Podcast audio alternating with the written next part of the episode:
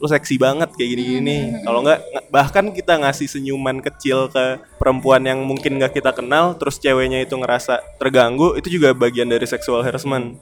Terus yang menarik lagi di Emang bener-bener menghindari, cuman gue tetap berani lewat situ asal sama cowok gue. Jujur kalau untuk sendiri enggak sih. Kayak oke, oke. gue risih juga kan, terus jujur gue juga takut dia apain Mungkin gue Eh. terlalu berani pas melototin dia atau apa. Karena kan mereka biasanya kalau mereka catcall itu mereka Iya kayak di pelecehan seksual atau catcalling ini nih ada secara verbal, non verbal dan ini fisik. Nah ini tadi salah satunya di, di- diliatin aja tuh sebenarnya pelecehan seksual masuknya ya, dengan dengan apa jenis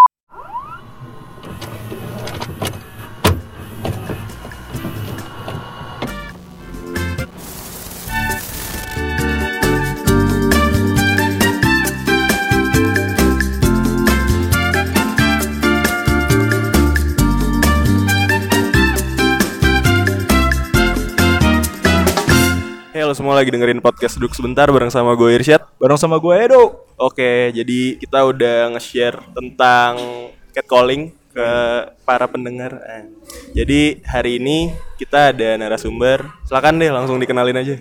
Perkenalan nama lo, udah lagi sibuk apa mungkin, Instagramnya, atau mau promo-promo silakan lah, bebas. Halo. Hai. kita sapa-sapan di sini. Iya gak apa-apa. ya. Eh, gue Gita Salsabila, Ya. komunikasi 2015. Gak sibuk ngapa-ngapain, nganggur. Masih mas.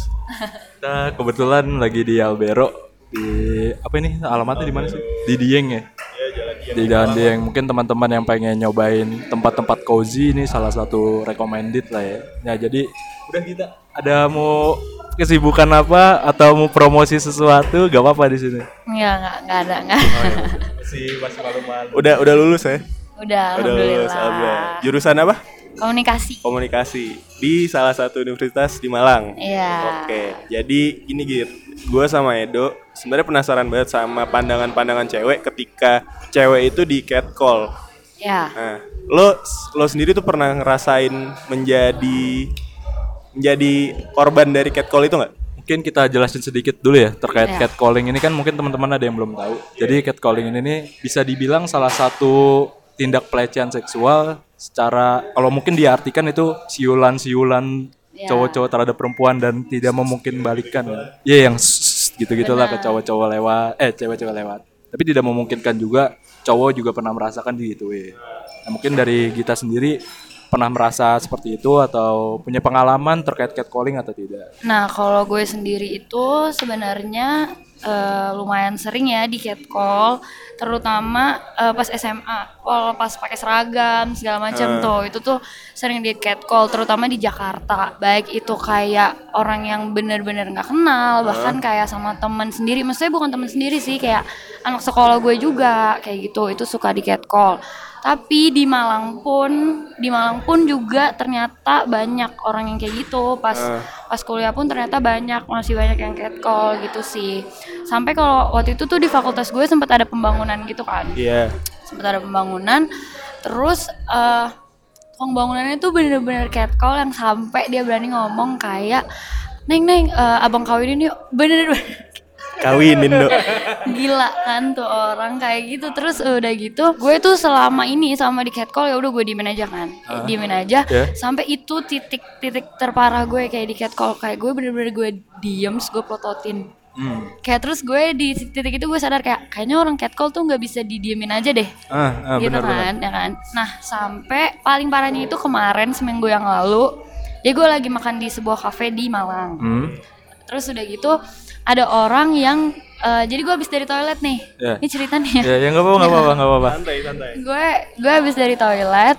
Terus gue harus melewati jalan yang itu tuh kealingan dia gitu loh. Hmm. Terus gue bilang kan, misi mas, baik-baik. Terus dia kayak, dia tuh cuman geser tapi gue tuh pasti tetap kena dia gitu kan. Hmm. Terus gue bilang, mas boleh misi nggak Ya. gitu kan. Terus kayak, ya elah eh, cantik-cantik gal apa galak banget Ya sih dia ngomong gitu Allah, kan. iya, iya. Terus gue bener-bener diem, terus gue ngomong bangsat loh. Bener-bener gue gitu, Ah. ngerti gak? Soalnya dia sambil kedip-kedip jijik gitu. Itu yang kuli yang lo bilang juga bukan? Apa orang lain? Orang lain. Di kafe. Iya. Ah, orang lain bener-bener kayak gimana ya gue udah di titik kayak gue enak di Iya, iya, catcall bener, gitu bener, bener, bener. karena udah kayak gimana ya kayak udah sering banget gitu kan dari Hmm. SMA gue pas SMA kayak masih diem aja anggap aja yang lalu atau apa cuman ya gara-gara tukang bangunan itu anjing dong. gila gue mau dikawinin mikir Tapi lo dari lo kan dari SMA berarti udah mengalami yang disebut catcalling ini. ya ya Nah, waktu ada bedanya gak sih ketika lo waktu SMA mungkin lo masih ngerasa kayak ya udahlah angin lalu lalang, tapi makin lo dewasa lo ngerasa itu mengganggu banget apa gimana? Iya, iya mengganggu sampai gue lama-lama sadar kayaknya ini tuh harassment gitu deh. Iya. Ya nah, kan, kalau misalnya pas SMA, gue mikir kayak ah ya, ya udahlah masih masih mikir yang kayak ya udahlah. Kadang-kadang juga temen-temen gue, maksudnya bukan temen-temen gue, gue misalnya kayak anak-anak yang ada di situ aja kayak cewek-cewek kayak Ah. gitu-gitu doang kan. Cuman ya udah kayak ya udah gue anggap aja angin lalu. Cuman mungkin karena makin ke sini tuh kan gimana ya namanya mahasiswa kan individual ya maksudnya Iya, ah. gue ke mana-mana suka sendiri gitu jadinya gue di catcall ketika gue lagi sendiri Oke. Nah kadang kalau misalnya pas SMA itu gue misalnya lagi berdua sama temen gue, Ah. jadi masih yang kayak gue masih bisa nanggepinnya kayak gue ngobrol aja sama temen gue, anggap aja nggak Oh. ada gitu kan. Iya, tapi kalau misalnya lo waktu SMA kan lo ber- bergerombol nih misalnya sama temen-temen cewek lo. Nggak nggak bergerombol juga sih, biasanya kalau di catcall itu misalnya kayak cuma berdua. Oh berarti kalau misalnya lo lagi rame-rame tuh jarang. Enggak, jarang. Oh, kayak oke. misalnya jumlahnya tuh sedikit ya, misalnya cuma berdua. Bertiga juga kadang-kadang jarang deh. Kayak berdua. Paling seringnya emang kalau sendiri pasti. Tapi kalau ketika tadi kan lo udah cerita sedikit ya masalah calling dan lo ya lo melakukan sesuatu ke korban itu apa emang karena lo udah enek karena permasalahan itu atau emang ke udah saatnya mungkin atau lo diemin aja sekarang? Oh maksudnya kok ke korban? Maksudnya ke Eh ke pe- pelakunya. Kepala aku iya. ya kayak misalnya gue nggak tahu ya gue yang gara-gara yang tukang bangunan itu gue udah enak aja gitu kayak soalnya yang sama tukang bangunan itu juga nggak sekali Iya iya. jadi eh, ada tempat parkir Ah. terus ke gedung fakultas gue harus melewati si tukang bangunan Iya, ini iya. jadi kayak hampir tiap hari gitu kan jadi gue di titik yang kayak wah gila dan gue yakin pasti bukan gue doang dong yang di Iya catcall benar. ya So- kan? Soalnya kan kita kemarin ngundang narsum terkait mental health si Sandi itu juga dia sempat cerita dikit masalah di visip juga kan ya. Jadi ketika emang lewat situ, ya kan dia udah ilkom, orang-orang udah tahu. iya benar Nah jadi emang katanya di sekitar itu ada kuli-kuli yang genit gitu le. Iya. Gue nggak tahu kejadian nyata atau enggak, tapi dengan cerita lo juga mungkin bangsat juga nih kuli. emang nyebelin Tapi dari fakultas lo entah itu BEM-nya atau siapanya gitu. Temen-temen lo ini merasa resah sama kulinya ini, tapi ada yang dilakukan gitu gak sih sama temen-temen lo itu? Oh gue gue nggak tahu secara persisnya ya. Ah. Cuman waktu itu jadi gue sempat setahun sebelumnya ini kan gue Iya. DPM kan. Ah. Nah bahkan ada ke OA DPM itu beberapa orang yang ngechat ke OA-nya kalau eh, ngeluh gitu loh kalau misalnya dia di catcall. Ah. Berarti kan udah semeresahkan ini dong Iya. sampai dia ngadu ke OA DPM. Ah. Gitu cuman itu tuh kejadiannya pas udah gue detik-detik mau lengser. Dan Oh. sekarang gue juga jujur aja gue nggak pernah ke kampus kan. Ah. Maksudnya kayak udah jarang banget kalau ada penting. Jadi gue nggak tahu apakah ada hal yang dilakukan atau apa.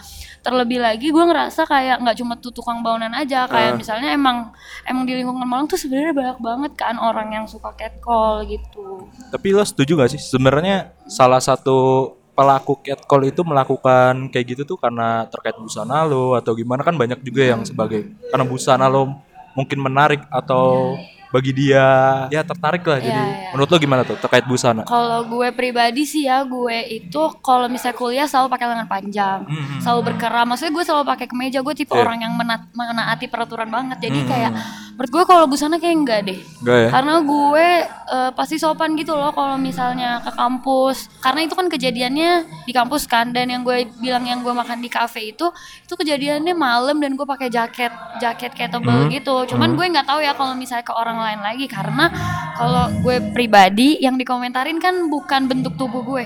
Tapi kayak neng neng cantik banget, neng galak banget sih Iya, iya, kayak iya. gitu. Kak, bukan yang kayak ii bohai kayak Iya, gitu iya, kan. iya, Mungkin iya, itu iya. ada orang lain Iya, iya, lagi benar, benar, yang benar. kayak gitu. Heeh. Terus eh, gue sebenarnya pengen nanya, kalau misalnya catcalling ini dilakukan di lingkungan kampus nih, Mm-mm. berarti kan seharusnya itu menjadi hal yang udah bukan tabu lagi buat diomongin. Iya Nah, benar-benar. lo sendiri nih sebagai cewek yang pernah merasakan di catcall sama tukang bangunan itu, Iya si anjing. lo lo lo ini gak sih? Maksud gue lo ngobrol sama temen lo lang juga atau lo cerita ke temen lo sehingga ini jadi bukan hal bukan hal yang tabu lagi buat diomongin. Apa lo nahan pengalaman ini? Kalau gue sih sejujurnya gue kalau ada apa-apa ya cuma cerita ke pacar gue doang. Hmm. Jadi kayak misalnya, wah gila tuh tukang bangunan bener-bener bener-bener, tapi abis itu gue reda.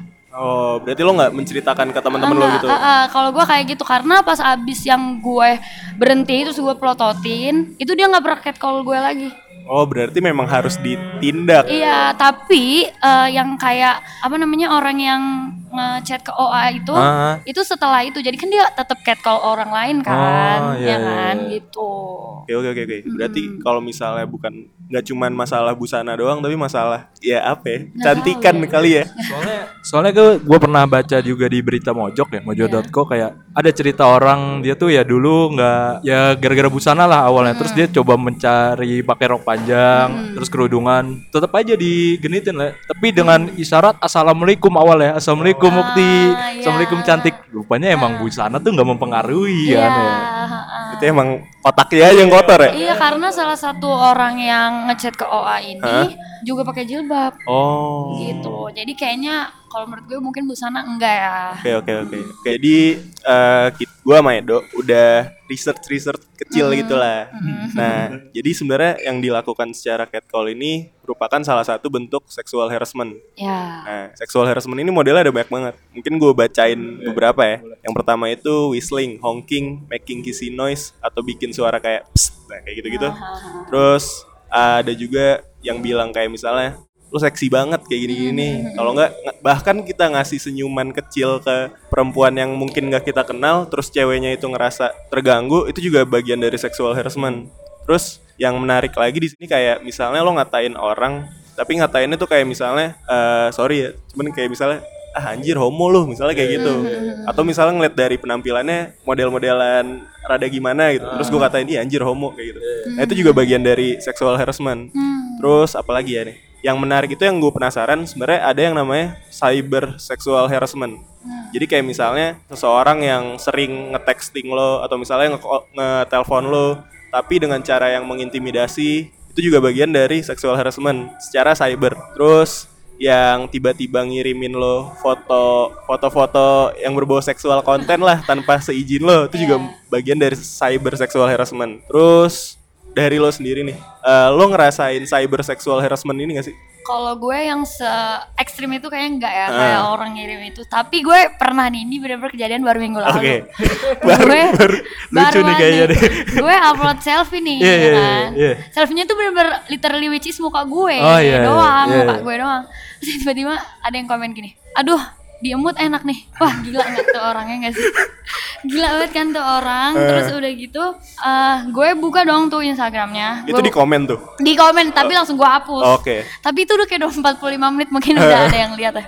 Ujung-ujungnya tuh foto gue hapus karena gue jijik sendiri. Karena ketika gue ngeliat tuh foto gue keinget tuh komen. Kan terus Terus akhirnya? udah gitu kayak pas gue lihat nih itu tuh emang kayak akun gimana ya? Jadi suka dia suka pub chat chat seks gitu chat- Oh. gitu kayak terus akhirnya gue report Heeh. gue report dan gue suruh kayak teman-teman terdekat gue report Hah? dan gue seneng banget akunnya hilang oh gitu jadi kayak gue gue bukan tipe orang yang kayak jadi dan gue tuh ngomong ke temen gue cuma kayak tolong report ini ini, ini dong dan temen-temen gue juga yang kayak gak nanya kayak pasti udah tahu sendiri dong Aha. oh ini berarti eh, ya itu Nggak bener lah kayak Ah, gitu. nah gue tuh bukan tipe orang yang cerita ke banyak orang kayak ya cuman kayak gitu doang Oke. kayak gitu kalau Tapi kalau misalnya teman-teman lo mungkin ada yang punya pengalaman cyber sexual harassment ini? ah kalau gue nggak tahu ada sih temen gue pokoknya dia pernah nge-tweet tiba-tiba gini aduh gila gue kenapa bisa desain banyak foto-foto seksualnya temen gue cewek tiba-tiba Nah itu maksud gue. Kayak gitu. ya itu tuh ada temen gue ada namanya Azah ada Oh, gue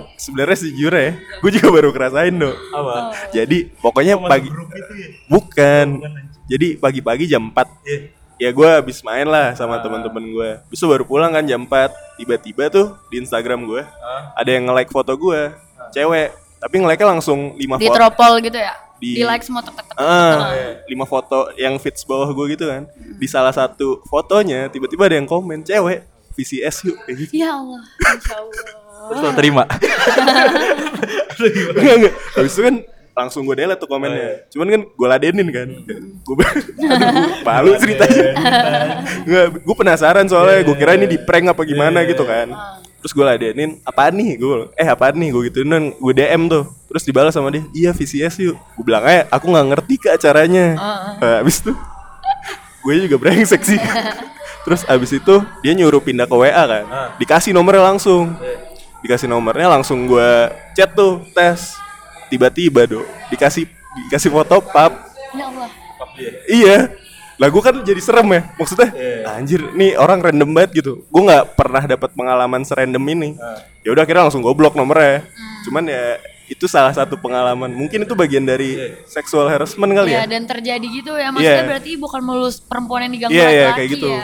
Soalnya ada ini juga sih, gue pernah baca di salah satu penelitian, jadi kayak di UK Saver Internet Center tuh dia pernah ngelakuin penelitian terhadap 3.257 remaja di Denmark. Terkait ini apa pelecehan secara seksual online ini yang tadi lo ceritain pada. Jadi ada 24% respondennya ini menyampaikan bahwa mereka itu menerima komentar yang tadi lo bilang kayak kayak komentar-komentar yang Nakal. ya nakal dan mungkin tidak patut lah yang harusnya dikomentarin. Dan itu tuh ma- menggambarkan kayak objek itu tuh dijadi apa fotonya yang dikomentarin itu tuh dijadikan objek seksual bagi dia ya mungkin ini aja apa ya ini penelitiannya tahun 2017 atau berapa gitu. Ya, jadi bukan baru-baru sekarang juga sebenarnya Iya, udah iya. lama juga gitu. Itu aja sih. Kalau dari lo sendiri nih menurut lo cara ngatasin yang cyber cyber kayak gini tuh gimana sih? Apa harus tadi kan lo salah satu solusinya mungkin di report. Ya. tapi kalau dari lo sendiri ada nggak yang bener-bener langsung tek, eh, kena tuh langsung orang apa lo Jujur. repost gitu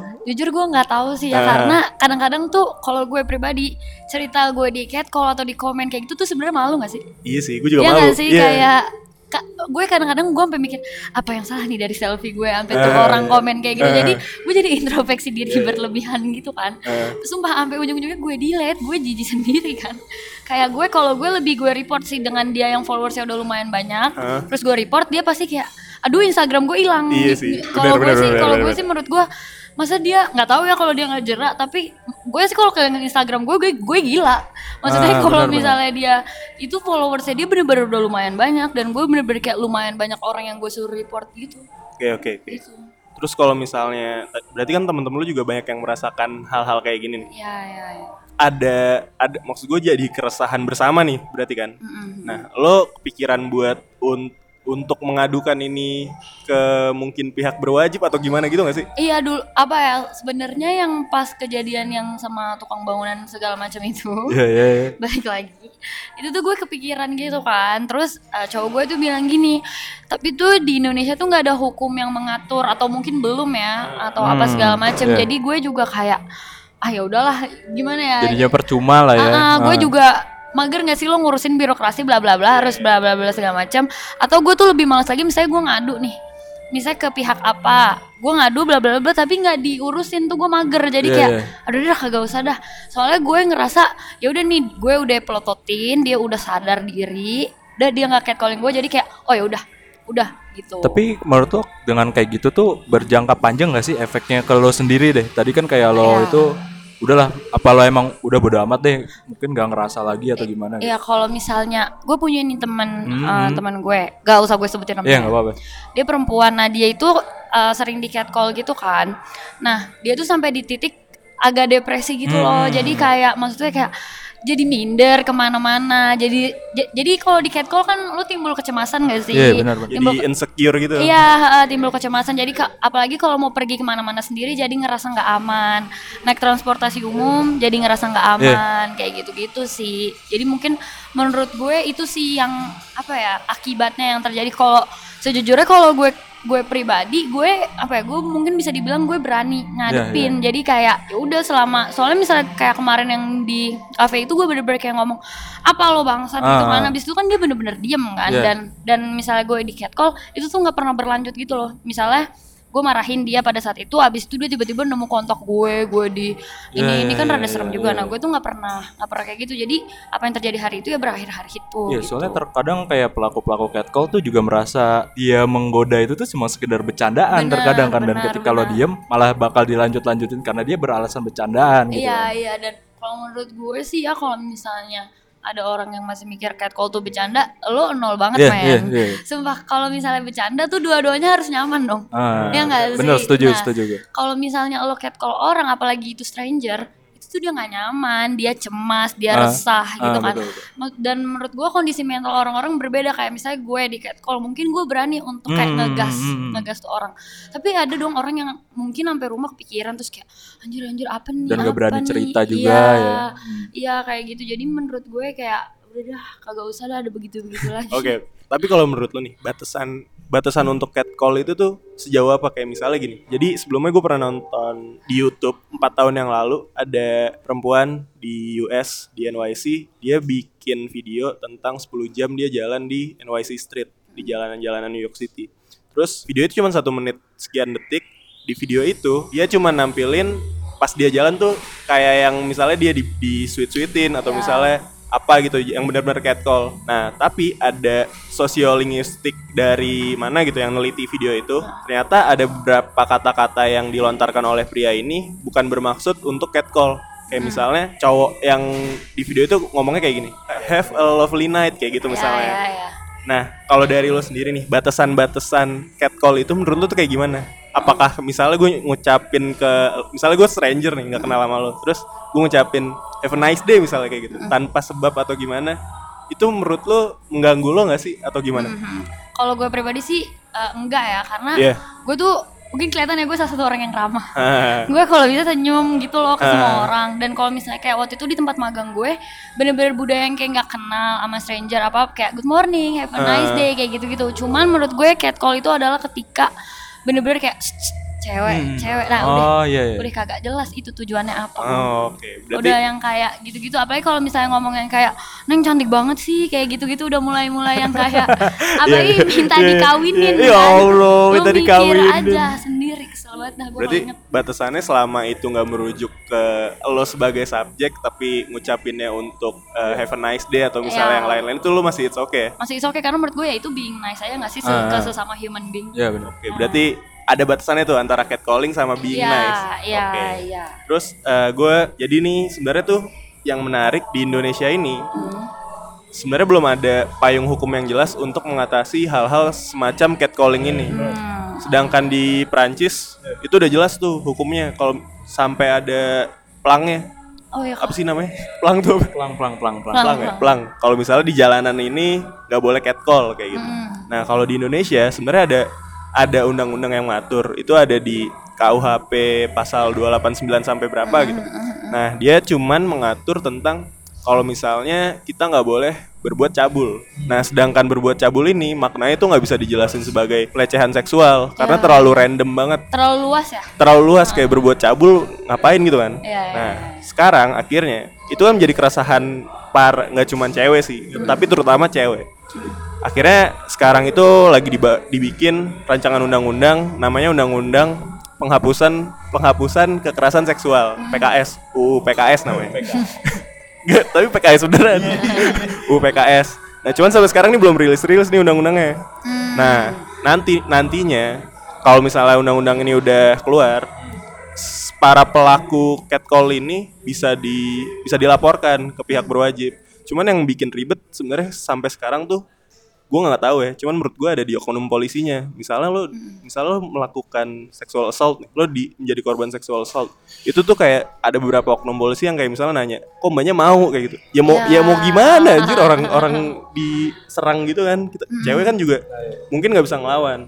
Mm-mm. Nah, terus juga kayak misalnya lo misalnya udah jadi korban, terus buktinya itu paling susah buat dibuktiin gitu loh. Iya, iya. Nah, kalau misalnya lo di cuman di, dilecehin secara verbal misalnya, lo buktinya mau ngasih kayak gimana? Kan nggak ada Iya, bukti iya, yang iya, jelas. iya, benar, Jadi benar, benar. walaupun undang-undang ini dibuat, menurut gue kayak masih ada masih kurang kurang aja gitu. Gue juga gak ngerti sih yang Iya, iya, baiknya kayak gimana. Soalnya terkadang masih belum sadar juga gitu like, kayak catcalling ini nih apa ya? Emang berupa pelecehan seksual atau enggak atau sekedar godaan atau gimana tuh masih banyak yang nggak tahu juga gitu.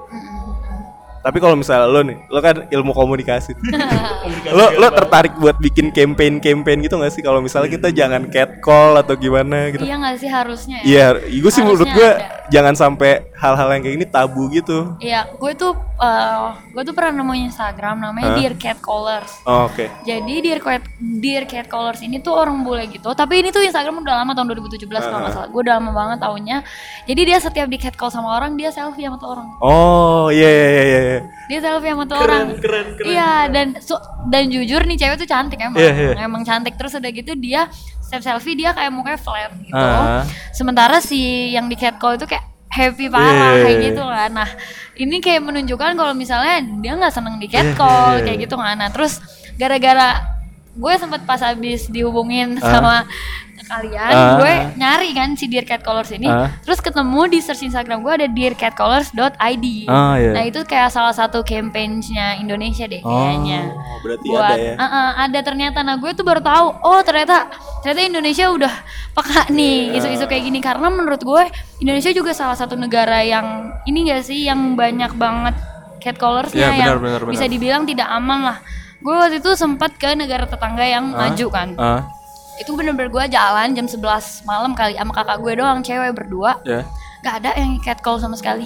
Padahal ada orang di pinggir-pinggir jalan dan naiknya transportasi umum.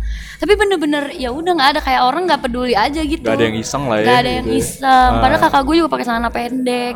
Kayak bener-bener ya udah. Sementara di Indonesia, insya Allah kebalikannya. Nah iya maksud gue kayak di Indonesia tuh catcalling tuh masih belum dianggap pelecehan seksual bagi Ya, orang-orang dan benar-benar. itu hanya sekedar candaan doang kebanyakannya. Iya, mereka kayak nganggapnya ya udahlah bercanda gitu. Iya benar benar. Tapi lo waktu lo mengalami yang tukang bangunan tadi balik lagi nih. Sebenarnya ada penelitiannya kayak yang kalau misalnya lo udah merasa di catcall, lo cenderung untuk mencari rute lain daripada lo melewati eh, rute tukang bangunan itu tadi. Iya. Lo kayak gitu nggak waktu Gue jujur sejak kejadian itu gue harus ditemenin cowok gue. supaya nggak di catcall? Karena kalau nggak muter agak jauh gue capek. Jadi Oh iya bener juga sih. Ah, dan itu kayak bener-bener itu itu tuh emang jalan pintas gitu loh. Ah. Jadi kok sebenarnya jalan benernya bukan itu, tapi bener-bener se- sejak itu kayak ya udah kalau enggak kalau misalnya gue naik gojek atau apa, gue nggak mau berhenti dari situ. Jadi gue bener-bener berhenti depan gedungnya. Oh. Kayak gitu. Emang bener-bener menghindari, cuman gue tetap berani lewat situ asal sama cowok gue. Jujur kalau untuk sendiri enggak sih. Kayak oke, oke. gue risih juga kan terus jujur gue juga takut dia apain mungkin gue Ah. terlalu berani pas melototin dia atau apa karena kan mereka biasanya kalau mereka catcall itu mereka pasti rame-rame kan Iya. Tapi kalau kita ambil pelajaran nih dari tadi yang eh, foto sama orang yang melakukan catcall, tadi si siapa tuh namanya? Dear catcaller Dear Catcallers itu. Ah. Berarti kan sebenarnya para pelaku pelaku yang melakukan catcalling ini kalau di ladenin tuh sebenarnya malah diem gak sih atau gimana? Iya, malah diem dan soalnya eh, si Dear Catcallers ini, gue nggak tahu ya nama aslinya siapa. Ah. Dia tuh bener-bener eh, udah enak banget sama catcallers karena dia sampai diikutin. Oh. Kalau gue alhamdulillah ya dan jangan sampai gue nggak pernah dan dia ini bener-bener diikutin, bener-bener diikutin terus kayak eh, do you wanna have a night with me bener-bener Ah. digituin itu kan udah udah loser total aja. Iya. ya sih? Terus eh, ini yang menarik nih, kita kan dari tadi belum ngasih pandangan yang cowok. Iya, Jadi iya. sebenarnya tuh eh, cyber cyber sexual harassment tuh pernah kejadian di Indonesia. Cuman yang yang anehnya ini malah menjadi menjadi headline news. Jadi kalau lo tahu dulu tuh ada Jonathan Christie. Jojo pemain bulu tangkis yang dia selebrasinya tuh buka baju, terus yang badannya six pack kelihatan kayak gitu semua. lo banget lah ya. Ya goblok. Nggak maksud gue akhirnya tuh dia di cyber di cyber sexual harassment dengan dengan ucapan-ucapan netizen yang ngomong kayak rahimku anget ngeliat dia kayak gitu gitu. Sebenarnya itu kan termasuk sexual harassment. Cuman Iya, anehnya iya, iya. malah jadi jadi jadi berita gitu di lain Iya, today lah di di jadi headline. nah Iya, itu menurut gue hal yang salah. Iya, nah kalau lu sendiri nih, gue nggak tahu sih sebenarnya tuh cewek melakukan hal itu nggak sih atau merasa merasakan kayak gitu gak sih? Maksudnya perasaan gimana? Gimana ya? gue gak enak dong. Gimana ngomong-ngomong? kayak misalnya, eh misalnya ada cowok nih yang ganteng gitu, terus diomongin gitu gak sih? Soalnya soalnya nih kalau cowok, soalnya kalau cowok tuh kayak gitu. kayak misalnya, misalnya, misalnya temen lu nih anak fisip siapa gitu misalnya, terus cakep, itu udah jadi kayak oh, oh anjir ini cakep banget kayak gitu. kayak gitu. iya, iya. Nah kalau cowok cewek tuh kayak gitu gak sih sebenarnya? Kalau sejujurnya kalau di lingkungan gue kalau ngomongin cowok ganteng itu enggak ya. Hmm. Tapi mungkin lebih ke idola. Oh. Kalau misalnya si Jojo kan tadi ya, Iya, itu Jojo. dia masuk masuknya idola nggak sih? Maksudnya public figure. Iya, iya, iya. Jadi menurut gue kayak ada di satu sisi salah, cuman di satu sisi lagi dia public figure gitu. Jadi kadang-kadang kita nggak bisa ngontrol nggak sih apa yang ucapan-ucapan fansnya. Tapi tetap aja itu salah, apalagi jadiin headline kan. Gitu. Iya, Tapi benar, mungkin benar. di sisi lainnya dia public figure men, gitu loh. Iya tapi lucu aja ya kayak cewek tuh Rainbow lebih ke cybernya sih untuk masalah Iya. catcalling kayak ovarium meledak lah, Iya. hamil online dah. Iya, benar benar benar. Ya lucu aja jadinya gitu tapi itu kan yang terkadang nggak disadarin bukan cowok doang eh bukan cewek doang yang pernah di catcalling gitu loh. Benar Tapi benar. cowok pun juga. Walaupun juga gitu. Benar benar benar. Oke, mungkin itu ya buat segmen satu. Lo ada tambahan nggak nih buat segmen satu sebelum kita baca-baca email dari para pengirim email? Gue sih cuma mau berpesan buat teman-teman yang mendengarkan ini, please banget jangan melakukan catcalling lagi. Hah? Soalnya itu nggak lucu sama sekali, baik laki-laki maupun perempuan. Terus buat perempuan kalau misalnya di catcall, ya lu cerita ke temen lu. Maksudnya kalau lu depresi atau apa, lu jangan tahan. Hmm. Lu ceritain aja, jangan sampai kesehatan mental lo yang menanggung uh, hal yang orang lain Iya. lakukan. Oke, thank you untuk segmen satu mungkin itu aja. Oke, lanjut deh. Langsung baca email.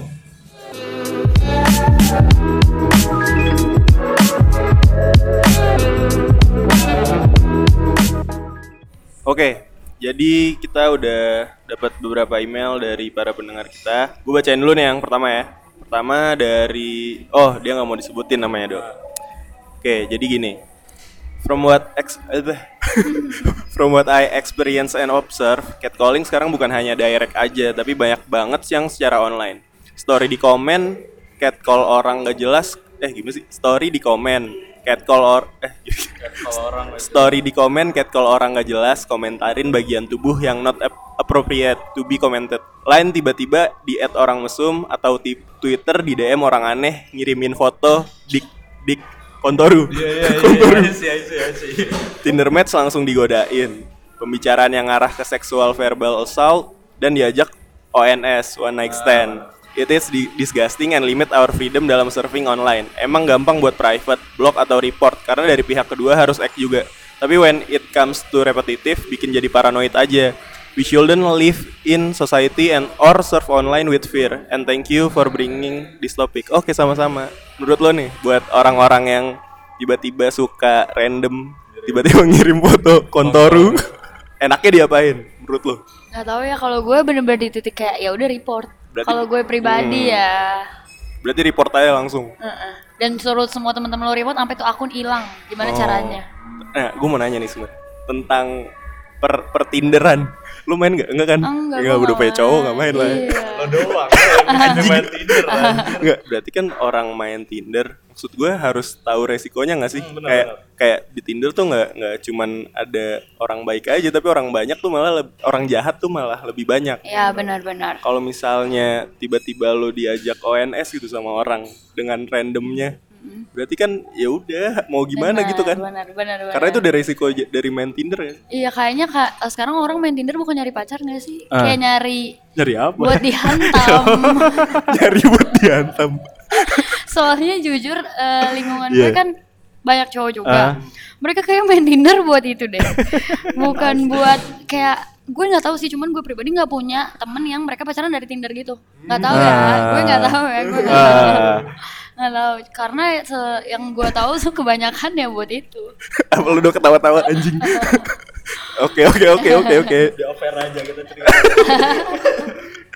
Berarti kalau misalnya nge-private Instagram lu itu bukan langkah yang proper ya berarti ya? Enggak sih, karena gue sejujurnya gue ngeliat Instagram juga sebagai lahan bisnis nggak sih? Ah, benar benar benar. Jadi kayak enggak kalau mau private Instagram kayak enggak deh. Mending di blok sekalian. Report. Blok report. Iya. Nah, sabi. Oke oke oke. Terima kasih buat yang udah ngirim.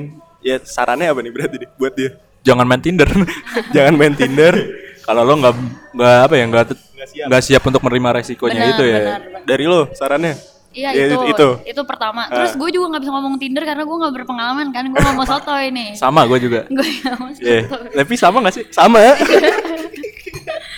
Itu terus udah gitu. Iya. eh, ya sama itu kalau misalnya ada yang aneh-aneh udah langsung report. Ya udahlah ya. Eh, kalau gue tuh bener-bener mastiin tuh akun tuh hilang gitu loh. Oh lo cek terus gitu. kan dia kita kan dapat ini kan dari Instagram Oh, laporan, nah. laporan jadi kalau misalnya hari ini gue bangun belum ada laporan nih gue suruh temen gue lebih banyak lagi report gue selalu kayak gitu Oke oke, kita terima kasih nih buat yang ngirim. Semoga menjawab lah ya.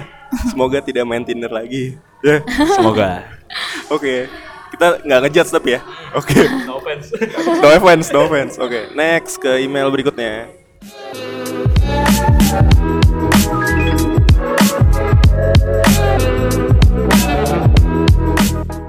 gue bacain ya emailnya Eh, dari sini ya Iya. Catcalling. Gue sering banget ngalamin ini tiap lagi jalan. Gue waktu itu sering berangkat dan pulang kuliah jalan kaki ke Indomaret dan beli makanan keluar kosan. Awalnya gue cuek aja kalau ada yang manggil-manggil karena masih sebatas disuit-suitin dan ditanya-tanya mau ke mana mbak? Sendirian aja tapi lama-lama risih. Dan sampai waktu itu gue takut banget buat jalan kaki keluar kosan karena sempet kayak ada yang ngikutin gitu loh dari belakang. Sambil nanya-nanya mbak mau ditemenin nggak? Mbak namanya siapa? dan lain-lain. Tapi untungnya cuma bentar orangnya balik lagi nggak ngikutin orangnya lagi bercanda-canda gitu sama temen-temennya di situ gue panik banget takut kalau dia apa-apain dan hampir nangis lol Oh iya, nggak cuma dengan perkataan, kadang diliatin juga risih banget dan termasuk salah satu pelecehan. Bayangin aja lu jalan kaki, tiba-tiba diliatin orang yang gak lo kenal dengan muka yang, duh nggak tahu deh jelasinnya gimana, serem intinya yang ngelakuin beragam banget dari anak kuliahan yang berpendidikan sampai tukang parkir atau tukang ojek.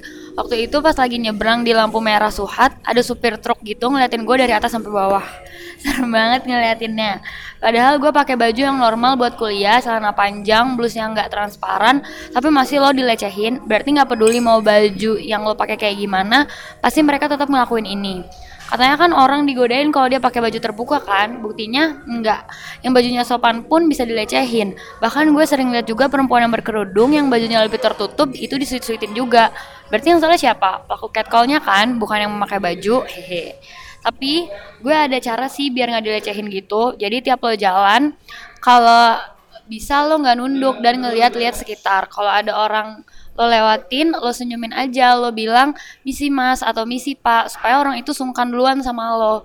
Ada satu tempat makan deket kosan gue yang kalau gue mau ke kampus atau Indomaret, gue harus ngelewatin tempat makan itu. Terus tukang parkirnya bener-bener rese banget, suka manggil dan siut-siutin gue gitu. Nah, waktu itu gue mau ke Indomaret dan mau nggak mau harus lewatin tempat itu kan. Pas jalan sebelum masnya ngisengin gue lagi, gue bilang misi mas dan mas-mas itu nggak manggil-manggil gue dong.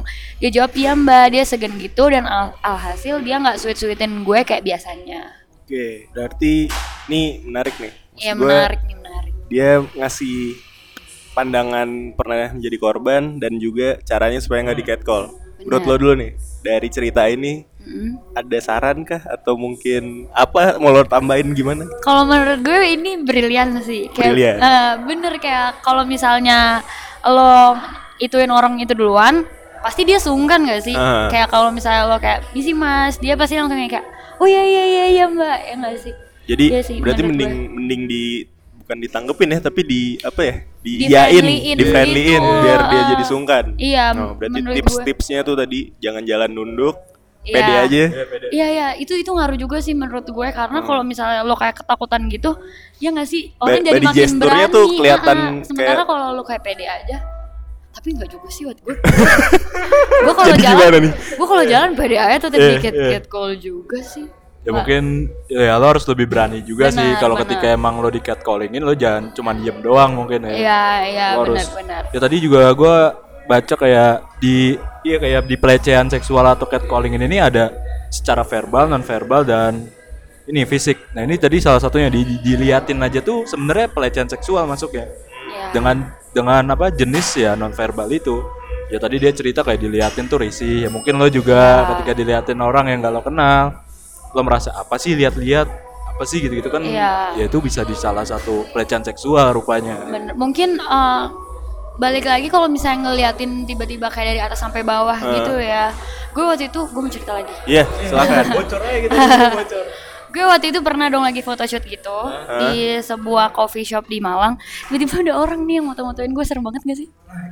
Random aja. Random, bener-bener random, bener-bener random. Terus sampai eh, dia ngomong gini, ya gimana dong abis eh, mbaknya ini gini ah, ah, gak jelas lah, gak jelas. Tapi untungnya fotografer gue itu peka, jadi bener-bener diambil HP terus dihapus. Oh. Jadi bener-bener kayak eh, kalau Mas mau Mas bayar ke kita. Ini Iya, kan model kita alasannya Iya, kayak gitu. padahal tuh fotografernya teman gue juga. Nah itu Kayak gitu. di di yang tadi kita jelasin di undang-undang Perancis tuh sebenarnya udah ada terkait ambil foto orang aja itu udah ada kena hukumnya gitu, Iya, udah ada kena benar, benar. dendanya. dan itu masuk ke pelecehan seksual maksudnya. Terus kalau misalnya ngeliatin orang juga nggak sih? Kalau misalnya ngeliatin beda kan? Mungkin ada misalnya orang cantik terus lo ngeliat mengagumi beda Hmm. dong kayak Hmm. ya kan terus tapi ada juga orang yang ngeliat kayak bener-bener kayak ngeliat dari bawah sampai atas atas sampai bawah itu kan risih kan Hmm, ya nggak benar-benar. sih gitu jadi mungkin balik lagi the way-nya kayak caranya gitu loh Mungkin kalau di Indonesia foto sembarangan masuknya ke UU ITE kali ya. Cuman ya itu harus lebih dirinciin lagi terkait pelecehan seksualnya. ya karena terlalu luas kali Hmm. ya Tapi tapi gue tuh yang heran kayak gini. Misalnya misalnya gue diliatin sama cewek. misalnya kan, dia kan pandangan cowok nih. Misalnya diliatin sama cewek, seneng gak sih? Kalau cowok anjir, eh lo kalau lo kenapa alasannya? enggak maksud gue maksud gue bukan seneng gimana maksud gue kan berarti di notice gitu. Nah, iya. nah itu itu gue jadi baca penelitian juga tuh cowok kalau misalnya di catcall atau misalnya di seksual harass sama cewek itu malah merasa tertantang. Nah, iya. nah itu yang salah lo lo ngerasa tertantang nggak kalau misalnya lu cowok godain dong misalnya gitu Enggak sih kalau gue mandangnya kayak catcalling dan pujian tuh berbeda gitu lah. ya. Ketika emang lo menganggap itu catcalling ya berarti itu merasa lo dilecehin. Ketika lo merasa i- mungkin orang itu lo di eh lo diliatin sama orang merasa nyaman Gak, gak gitu maksud gue kayak, gimana? kayak misalnya lo digodain nih misalnya lo lewat iya, eh misalnya lo lewat mana gitu terus ada ada cewek-cewek misalnya ber, bergerombol gitu terus godain lu kayak cowok godain dong misalnya kayak gitu kalau nggak lo ngerasa kayak wah anjir gue godain lah gitu kayak cerita ini ya tadi video call lo itu ya, FCS itu. enggak gitu anjing maksud gue Iya, iya, iya, iya. Maksudnya kayak jadi sebuah tantangan aja nih rupanya dia tertarik sama gua rupanya. dan dan itu ada penelitiannya Oh, iya. bahwa cowok itu cenderung untuk merasa tertantang Gua- beneran nih gue ngomong Iya, nah Me terkadang orang-orang tuh masih bingung membedakan gitu catcalling dengan pujian tuh sebenarnya beda kan. Iya. Ya kan kayak gitu kan. Nah, cuman itu jadi hal yang salah. Maksud gue kita luruskan lah hal itu. Kalau misalnya cowok digodain, jangan merasa tertantang, tapi jangan godain aku gitu. misalnya. ya kayak gitulah intinya. Ya mungkin itu ya buat email kedua. Lo ada yang mau tambahin gak nih dari yang cerita ini? Udah, udah ya. Oke, lanjut ke email ketiga.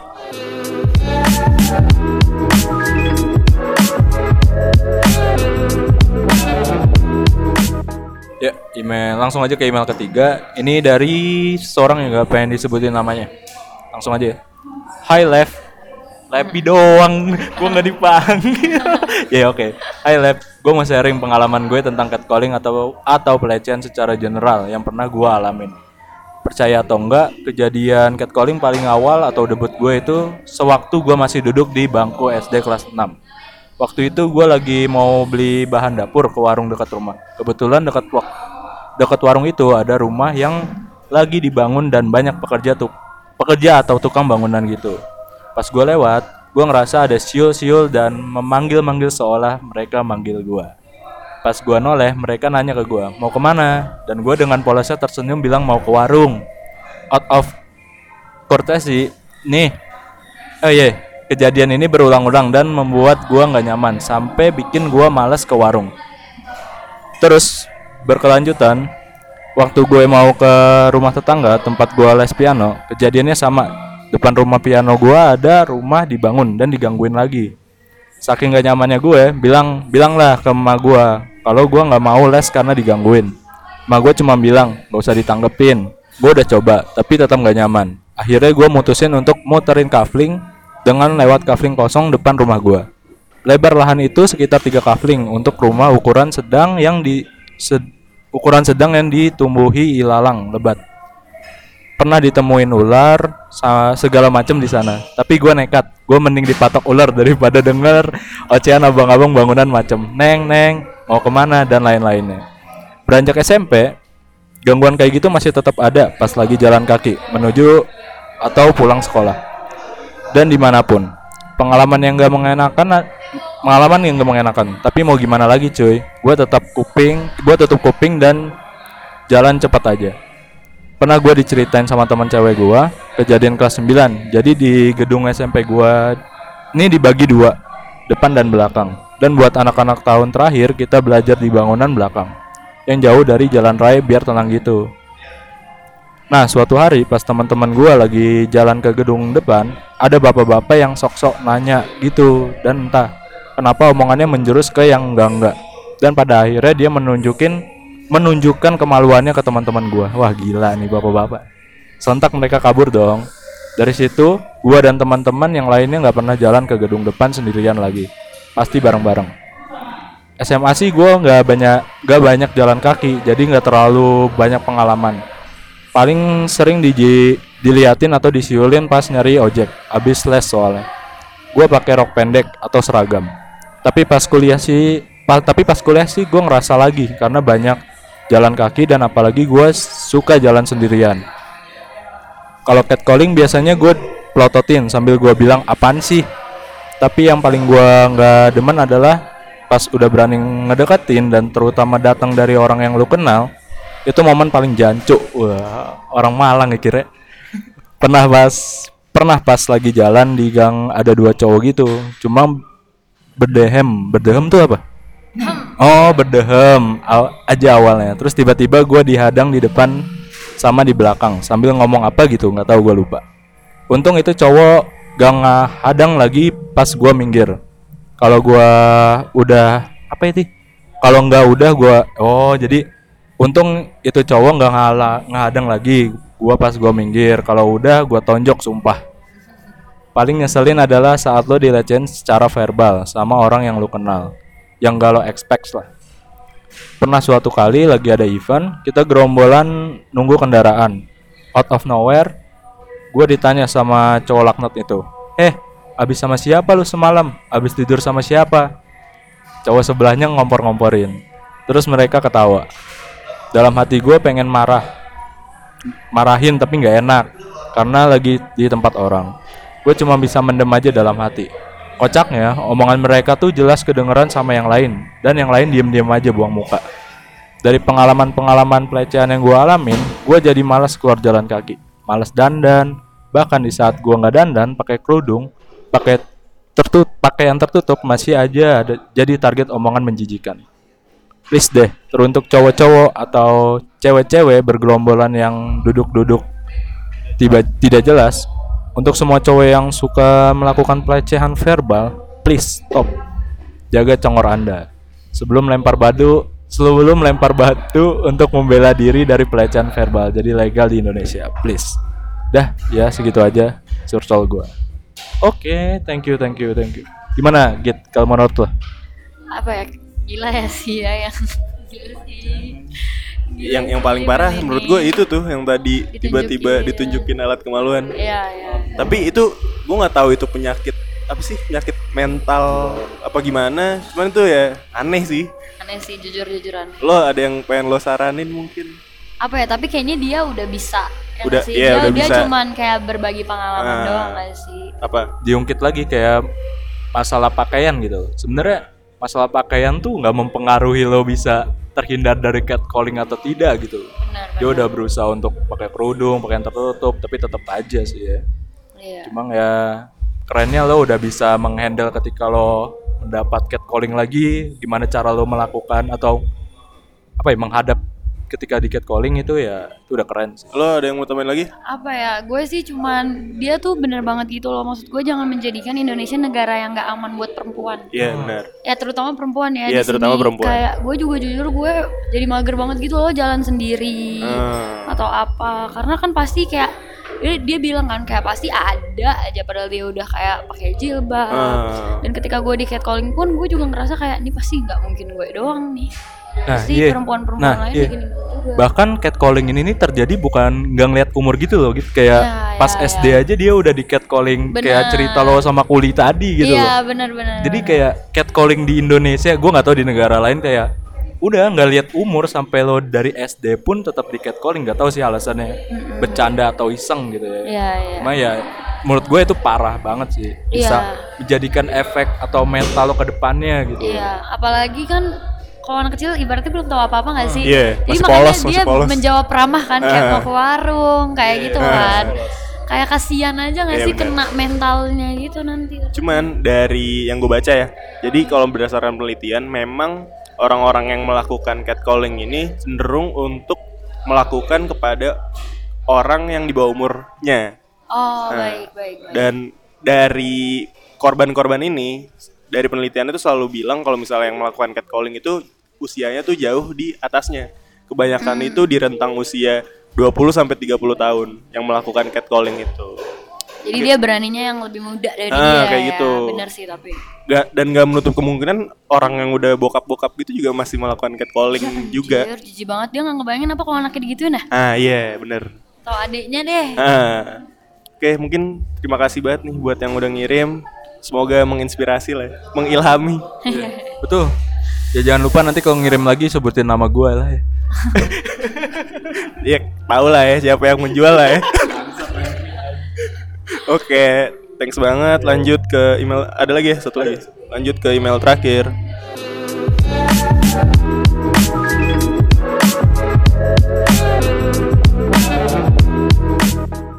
Ya, masuk ke email terakhir. Ini gak panjang sih, tapi lumayan menarik bagi gue. Kayak dia nggak mau disebutin namanya, jadi langsung aja ya.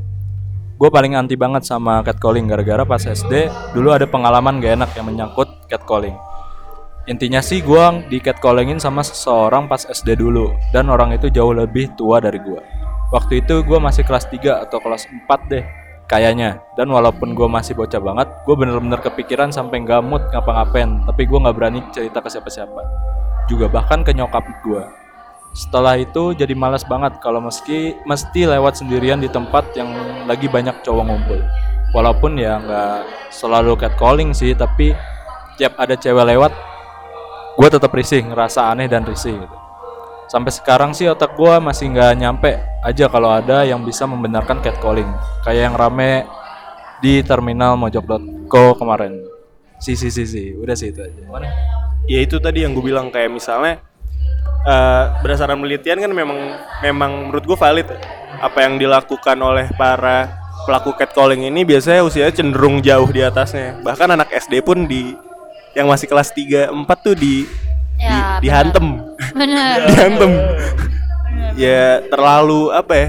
Nah, kalau misalnya gue ngangkat dari sisi kulturalnya, memang di Indonesia kan lagi-lagi gue selalu bahas ini di episode sebelumnya juga budaya patriarki itu terlalu kencang kayak misalnya cowok ini selalu merasa superior dan perempuan itu inferior. Makanya banyak banget kasus-kasus kayak catcalling seperti ini gitu. Padahal kalau misalnya ya balik lagi ya, kalau misalnya secara fisik mungkin cewek dan cowok masih bisa sama gitu. Wal kita beda cuman secara biologis saja. Ya, ya. Cewek mengalami masa menstruasi dan yang lain-lain, tapi secara mental, secara psikis dan yang lain-lain ya kita setara gitu. Jangan sampai cowok-cowok ini merasa superior akhirnya bisa ber berperilaku seenaknya sama cewek kayak gitu ya. Lo ada tambahan mungkin dari cerita yang digangguin nih kelas 3 4 SD. Gila ya parah banget ya gue ngebayangin kalau punya adik perempuan digituin. Gila tuh orang gue jambak kali ya. Ya paling kalau kita langsung aja ya ke saran ya. Kalau gue boleh saran nih, tadi gue sempet sempet ini kan eh, ngepost nge-question di Instagram. Yang menarik tuh ada yang bilang. Jadi gue nanya pesan buat para pelaku catcalling. Terus ada yang respon, yang respon dikit sih. Cuman soalnya gue baru post tadi jam satuan. Yang pertama tuh kayak kayak nggak pernah lihat cewek aja lu. Ya. Iya kan ya? Bener-bener sih. Terus yang kedua dari cowok, iya cowok nih yang ngomong. Bajingan kamu. Oke. Yang nah yang menarik tuh ini, kalau misalnya lu menjadi pelaku catcalling, ya inget nyokap lu kalau digituin kayak gimana Ya ya kan, sih? iya Nah, kan. Inget keluarganya lah, kalau nggak adik-adiknya. Udah ya, paling gitu ya. Lo ada saran-saran gak nih sebelum kita akhiri nih segmen 2 ini? Kayak tadi syarat gue yang di segmen pertama itu Oke. dah. Mungkin sebelum ditutup lo pengen lagi pengen ke depannya lo pengen ngapain biar doain sama pendengar-pendengar nih. Sejujurnya gue mau istirahat dulu. Mau istirahat dulu. Gue. Nggak nggak ada niatan lanjut nih ya kuliah. Ada. Kayak eh, gue punya banyak plan ke depan, tapi buat sekarang istirahat dulu. Istirahat dulu. Gawe juga belum ya? Udah, tar dulu. Istirahat. capek, capek istirahat dulu. Oke. Ya, po, terima kasih banget nih buat kita yang Ya. udah cerita-cerita ke kita tentang pengalaman catcallnya. Lo ada yang tambahin, Dok? ya sekali lagi ketika emang lo di catcalling atau apa pun dilecehin ya lo harus berani lah jangan diem doang gitu Benar. itu aja sih pesan gue Instagram, Instagram gitu. Kita Salsabila. Gita Salsabila. Oke, sekali lagi thank you banget buat kita. Yeay. Thank you kita. Thank you, Dok. Thank you Lepi. Oke, bye.